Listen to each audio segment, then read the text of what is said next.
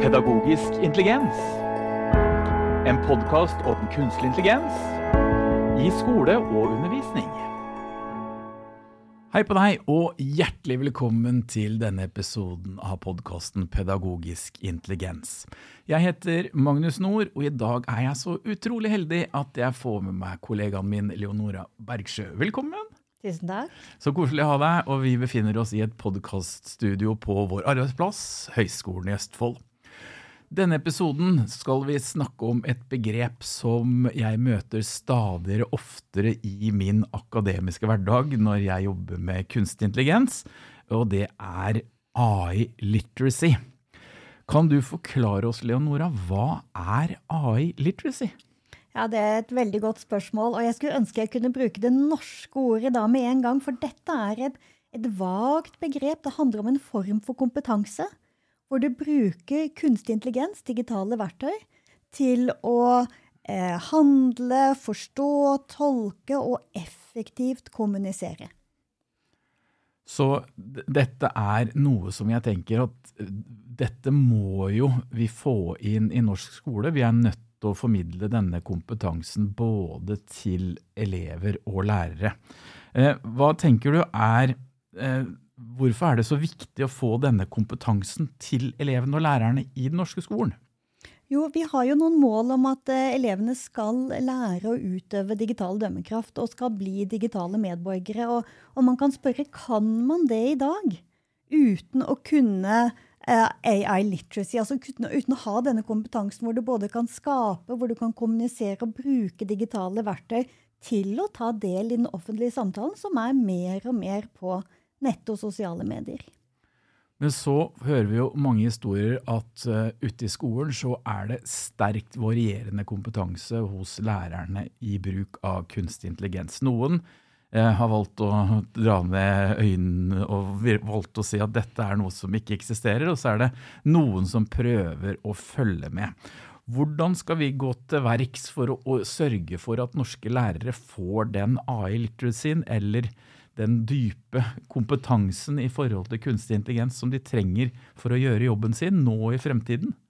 Ja, det er eh, Heldigvis så er vi pålagt å gjøre det. sånn at det er ikke noe sånn ja, det kan jeg velge, eller det kan jeg ikke velge. Barn er på nett. Barn opplever masse på nett, og derfor er vi nødt til å hjelpe dem å bruke nett på gode, forsvarlige måter. Trygt for dem selv og trygt for hverandre. Og det første skrittet er å innse at ja, men dette er vi nødt til å forholde oss til.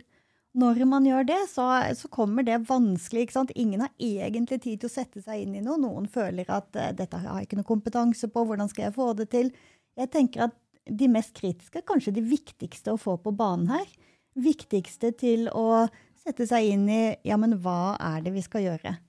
Og Nei, altså jeg, jeg, jeg tenker jo at uh norske lærere er jo nesten litt uheldige, tenker jeg, med den, den, den regjeringa vi har akkurat nå. Det er lagt veldig mye over i fanget til den enkelte lærer. Eh, jeg hadde jo trodd at Utdanningsdirektoratet kanskje skulle komme litt mer på banen, med mer råd og retningslinjer, men nå er vi snart ett år inne i ChatGPT. og og de har laget noen kompetansepakker, og de har startet opp nå nylig med noen webinarer. Men det blir latt litt for mye over til den enkelte lærer, tenker jeg. Det gjør det, og, og det jeg skulle ønske vi hadde, var en, en, bank med best practices. Altså en lett tilgjengelig undervisningsopplegg, sånn at det kunne være lett å starte. Og det er jo noe av det vi skal gjøre i dag. Snakke om hvordan kan man jobbe med dette på, på litt enkle måter. Og det første skrittet da er å finne ut ja, men hva er det jeg trenger å forstå for å kunne videreformidle AI literacy. Og da er det viktig å huske på at dette handler om mer enn nettvett. Dette er ikke bare å, å, bruke digitale verktøy på en måte som ikke er klart uetisk, men det handler også om å forstå hvordan er de bygget opp? Dvs. Si, på hvilken måte er det informasjon sorteres? Jo, de sorteres etter noen oppskrifter, noen algoritmer, som er forhåndsinnstilt. Det å forstå at all den kommunikasjonen man har, er eh, redigert, sensurert, styrt er en av de tingene vi må tenke på for å forstå hvordan vi kan bruke digitale medier klokt. så er det sånn at vi skal jo eh, hjelpe eh, Målet med skolen er jo å gjøre elevene klare ut mot eh, arbeidslivet, som de skal komme til senere. Eh, og akkurat nå så syns jeg det er et skremmende skille, egentlig. fordi at i forhold til eh, GDPR så har vi jo ikke lov til å la elevene bruke språkmodeller i undervisninga, f.eks. Eh, og da er det jo litt Eh, rart da, at vi skal forberede de til et samfunn som bruker stadig mer kunstig intelligens, men vi får jo ikke lov til å bruke det av personvernhensyn med elevene ennå. Og dette er et kjempeviktig poeng, at, at, selv entusiaster som har lyst til, og som har satt seg inn i dette, kan faktisk ikke be elevene om å laste ned og bruke ChatGPT, f.eks. Og der er det en modell som har vært brukt mye i USA og andre steder i Europa, men som vi har brukt lite, simulering, læringssimulering som modell. Eh, jeg kan godt fortelle litt mer om det, som, én måte å jobbe med dette på, på, på lovlig, etisk forsvarlig vis. Og, og, et eksempel det er fra svensk skole, hvor de har laget en, en De tok en plattform som, som barna var nysgjerrige på. Det var Facebook. Det er noen år siden da det var det største. Og så lagde de rett og slett en wallbook, en, en konkret fysisk vegg, hvor de lagde profiler, hengte opp, lagde oppslag, lagde falske nyheter og ekte nyheter, de liket postene til hverandre. Alle de samme aktivitetene som de kunne gjøre på nett, gjorde de på den veggen.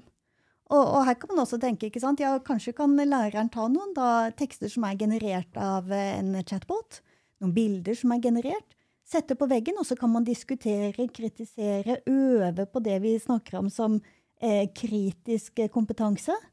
Eh, på, på, på, ferdig utskrevne eh, versjoner av eh, chattekster. Vi hadde en tidligere deltaker i denne podkasten som hadde et spennende prosjekt. Det var at man eh, produserte en tekst sammen med elevene. For læreren får jo nå lov til å bruke språkmodeller. Det er metodefrihet i norsk skole. Så læreren eh, produserte en tekst der elevene fortalte hva læreren skulle pronte, altså ledeteksten som skulle brukes. Og så produserte læreren og elevene sammen en tekst. Men så ga læreren en veldig kul oppgave. Nå er dere faktasjekkere. Nå dere, skal dere gå på kildekritikken her. Nå skal dere finne ut at det chat-GTPD faktisk var sant. For jeg tenker jo at dette med kildekritikk eh, og kritisk tenkning, det blir jo nå enda viktigere enn hva det har vært fram til nå. Helt klart, og her har vi jo det, Dette er gått så langt at det er til og med noen som begynner å snakke om kildetillit.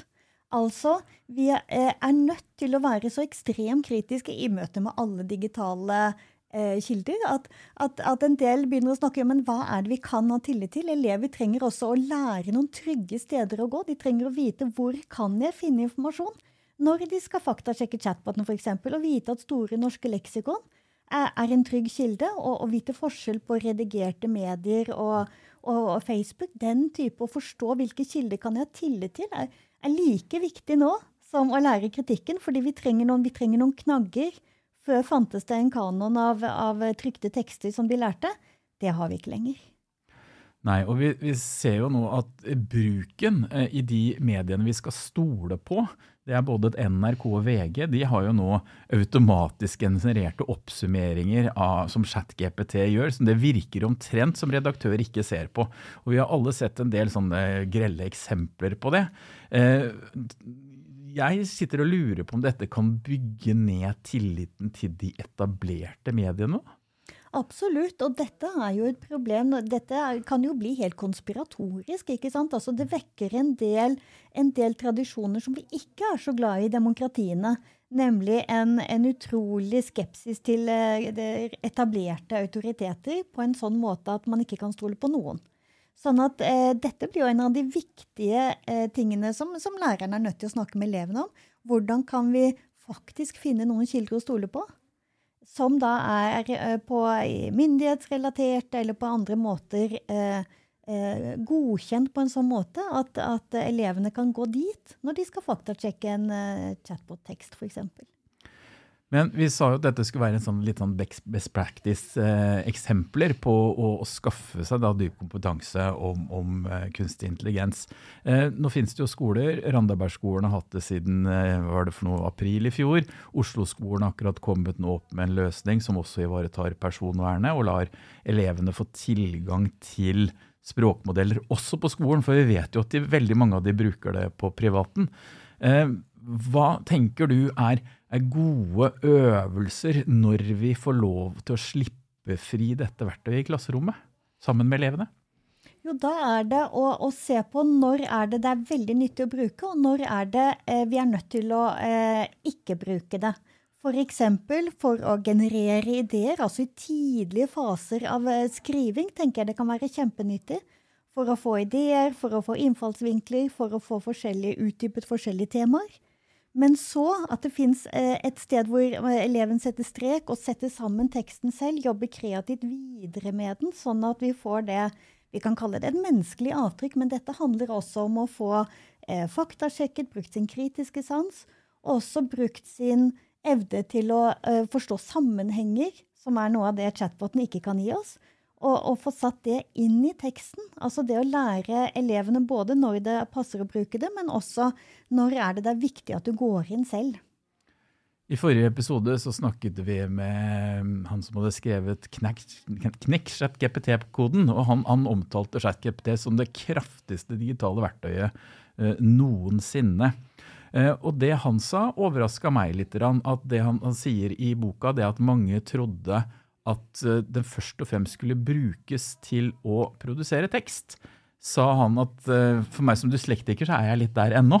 Uh, men at for det store allmennheten at, at det handler om mer denne, samtale, denne samtalepartneren, denne ekstreme ressursen til å hjelpe seg i hverdagen til idégenerering, sånn som du er inne på, da, mm. og mange andre ting. Og, men jeg har lyst til å si én ting til, og det er noe vi fort glemmer når vi står overfor disse tekstene. Og det er, hvis, hvis du nå skal eh, se for deg det jeg sier, en indisk person. Jeg ser for meg en indisk person. En indisk person. Eh, se for deg eh, kjønn, alder, klær eh, Jeg vet ikke hva du, hva du, umiddelbart tenker på? Jo, jeg har et bilde i hodet. Ja. Eh, det er nok veldig stereotypt. Få høre. Nei, det er jo en, en, en, eh, indisk dame, kanskje med en slør, en prikk i panna. Ja. Um, stående ved en elv, uh, ser jeg for meg kanskje. Ja, jeg har tatt denne teksten, teksten, testen på en del, og, og det kommer opp litt forskjellig. Noen har indiske gatebarn, noen har Mahatma Gandhi, noen har Mor Teresa, noen har kvinner som det her. Men så, hvis du spør en bildegenerator, så vil nesten alle bildene være en gammel mann med oransje turban. Sånn at det er og, og Akkurat det samme skjer i tekster. Det blir en stereotypisering av verden, en forenkling av forestillinger. Og det ser man veldig godt når man ser på bildegeneratorer, hvordan de genererer japansk mat eller indisk person. eller? Du kan be om ting, og så får du ekstremt typiske fremstillinger. Og noe av det samme skjer i tekster. Og det å huske på at den teksten som genereres, den er ekstremt typisk. Det kreative, det må vi legge til selv. For det er jo noe av det som er problemet, at vi vet veldig lite om hvordan disse språkmodellene er bygd opp. Jeg har et annet eksempel selv. Jeg ofte bruker, jeg liker å fremføre og si at læreren er Supermann i klasserommet og eh, elevenes helt. Uh, og jeg har prøvd å generere i mange forskjellige språkmodeller, så jeg har prøvd å uh, tegne læreren som Supermann, uh, stående som et sentralt midtbonde i klasserommet, med elevene tittende beundrende opp på læreren. Eh, og det blir alle ganger uten unntak en mann. Mm. Og selv når jeg skriver 'lag en lærerinne', som står i klasserommet, så klarte Dali 3 å tegne en mann blant eh, eksemplene som ble tegna opp. da. Så det er jo noe av den der utgangspunktet som, som er veldig problematisk, tenker jeg. At vi, vi har ikke kontroll over de dataene trent opp med. Absolutt. Og, og, noe av det det gir, er jo da å forsterke stereotypier. Forsterke skjevheter i samfunnet, sånn som du sier. Rollen til en mann i forhold til rollen til en kvinne. Eh, og, og det, nå er vi tilbake til AI literacy. ikke sant? Å forstå disse mønstrene. Gjør du det, så er det også lettere å bruke verktøyene på gode måter enn hvis du tenker at de er etisk nøytrale. For det er de jo absolutt ikke. Og der har de også forskere akkurat funnet ut at de forskjellige chatbotene er stilt inn sånn at man kan si at de faktisk er politisk høyre- eller venstrevridd. Alt etter hvilken chatbot du bruker. I språket de bruker, i forestillingene de har om hvem som er minoriteter osv. Uh, episoden heter jo AI literacy, og det er jo et, som vi var innledningsvis inne på, et forferdelig begrep. Uh, jeg hørte riktig om at du har prøvd å få noe, no, noe norsk oversettelse som kunne funke her. Gikk det bra, eller hvordan var det? Ja, jeg var akkurat på en stor nasjonal språkkonferanse, språkpolitisk konferanse. Og dette er jo entusiaster for det norske fagspråket. Og jeg spurte hva skal vi bruke for literacy. Og det var ingen gode forslag. Eh, det? Du har tekstkompetanse, du har skrivekyndighet, du har en del forskjellige ord, men det de ikke fanger inn, det er denne å bruke i kontekst.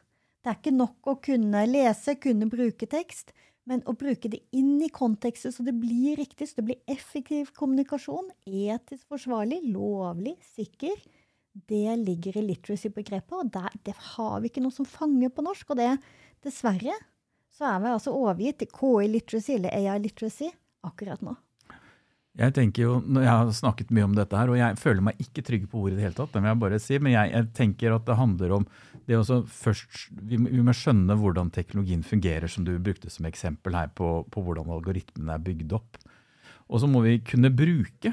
Men noe som jeg også jeg pleier å, å si, at når du for å få den kompetansen, den dype kompetansen, så må vi ha noen tanker om hvordan elevene skal bruke det i fremtiden, og hvordan lærere skal bruke det i fremtiden. Og det jo, Dette blir jo spådommer, det blir jo å titte i krystallkule, men jeg, jeg, tror det er viktig at vi får noen tanker om det. Absolutt, og her er jo elevene like flinke til å tenke som oss. Jeg tenker Noe av det vi kan gjøre, er å snakke om hvordan etiske prinsipper eh, er med i denne kompetansen. Eh, når man snakker om f.eks. digitalt medborgerskap, så sier man jo ofte at jo, det er å utøve menneskeverd i praksis. Utøve menneskeverd i praksis, det høres jo helt umulig ut. Kjempevanskelig, men også selvfølgelig utrolig viktig. Vi bygger samfunnet vårt, demokratiet vårt, på eh, ideen om menneskeverd. Og, hva betyr det i praksis? Skal du like eller ikke like? Eller, hva, eh, hvordan kan du utøve det på nett? Å få den utfordringen kan også være med på å forme gode praksiser, som også er med å forme inn i arbeidsliv og fremtidige jobber og studier for de elevene. Så å gi den type utfordringer tenker jeg kan være med å, eh, i den diskusjonen om, om hvordan kan vi bruke dette fremover. Hvis vi skal runde av episoden uh, med en liten oppsummering og en anbefaling videre til de norske lærerne som hører på denne podkasten, hva vil du si, hvordan skal norske lærere gå løs på eh, denne store oppgaven med å prøve å skaffe seg oversikt og få AI literacy? Det første er ja, det må jeg skaffe meg. Altså det å eh, tenke at dette er viktig. Og, og, det neste er at dette er ikke så kjempevanskelig. Mange tenker at det er helt uoverkommelig og at det tar masse tid. Det handler om noe så enkelt som å begynne å se på ja, men, hvilke undersøkelser er det som kommer frem i media. Det er jo nesten hver dag det skrives om hvordan algoritmer er eh, diskriminerende eller et eller annet. Ikke sant? Bare ved å følge med på nyheter så forstår man litt mer. Så fins det også kurs. Eh, rammeverk for eh, AI literacy. Og, og, vi er også opptatt av å få det inn i utdannelsen her. Både, både for uh, nylærerstudenter og videreutdanning. For jeg tenkte dette, dette, er vi nødt til å snakke om sammen. Og, og samle den kunnskapen vi har. Men, men første skritt er altså uh, vær nysgjerrig.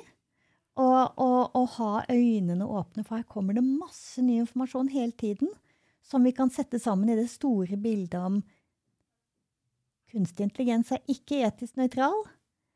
Det har noen strukturer, vi kan bruke de likevel. Vi må bare ta høyde for disse strukturene og tenke kritisk. Takk skal du ha for at du var med i denne episoden, Leonora. Tusen takk, og lykke til alle sammen.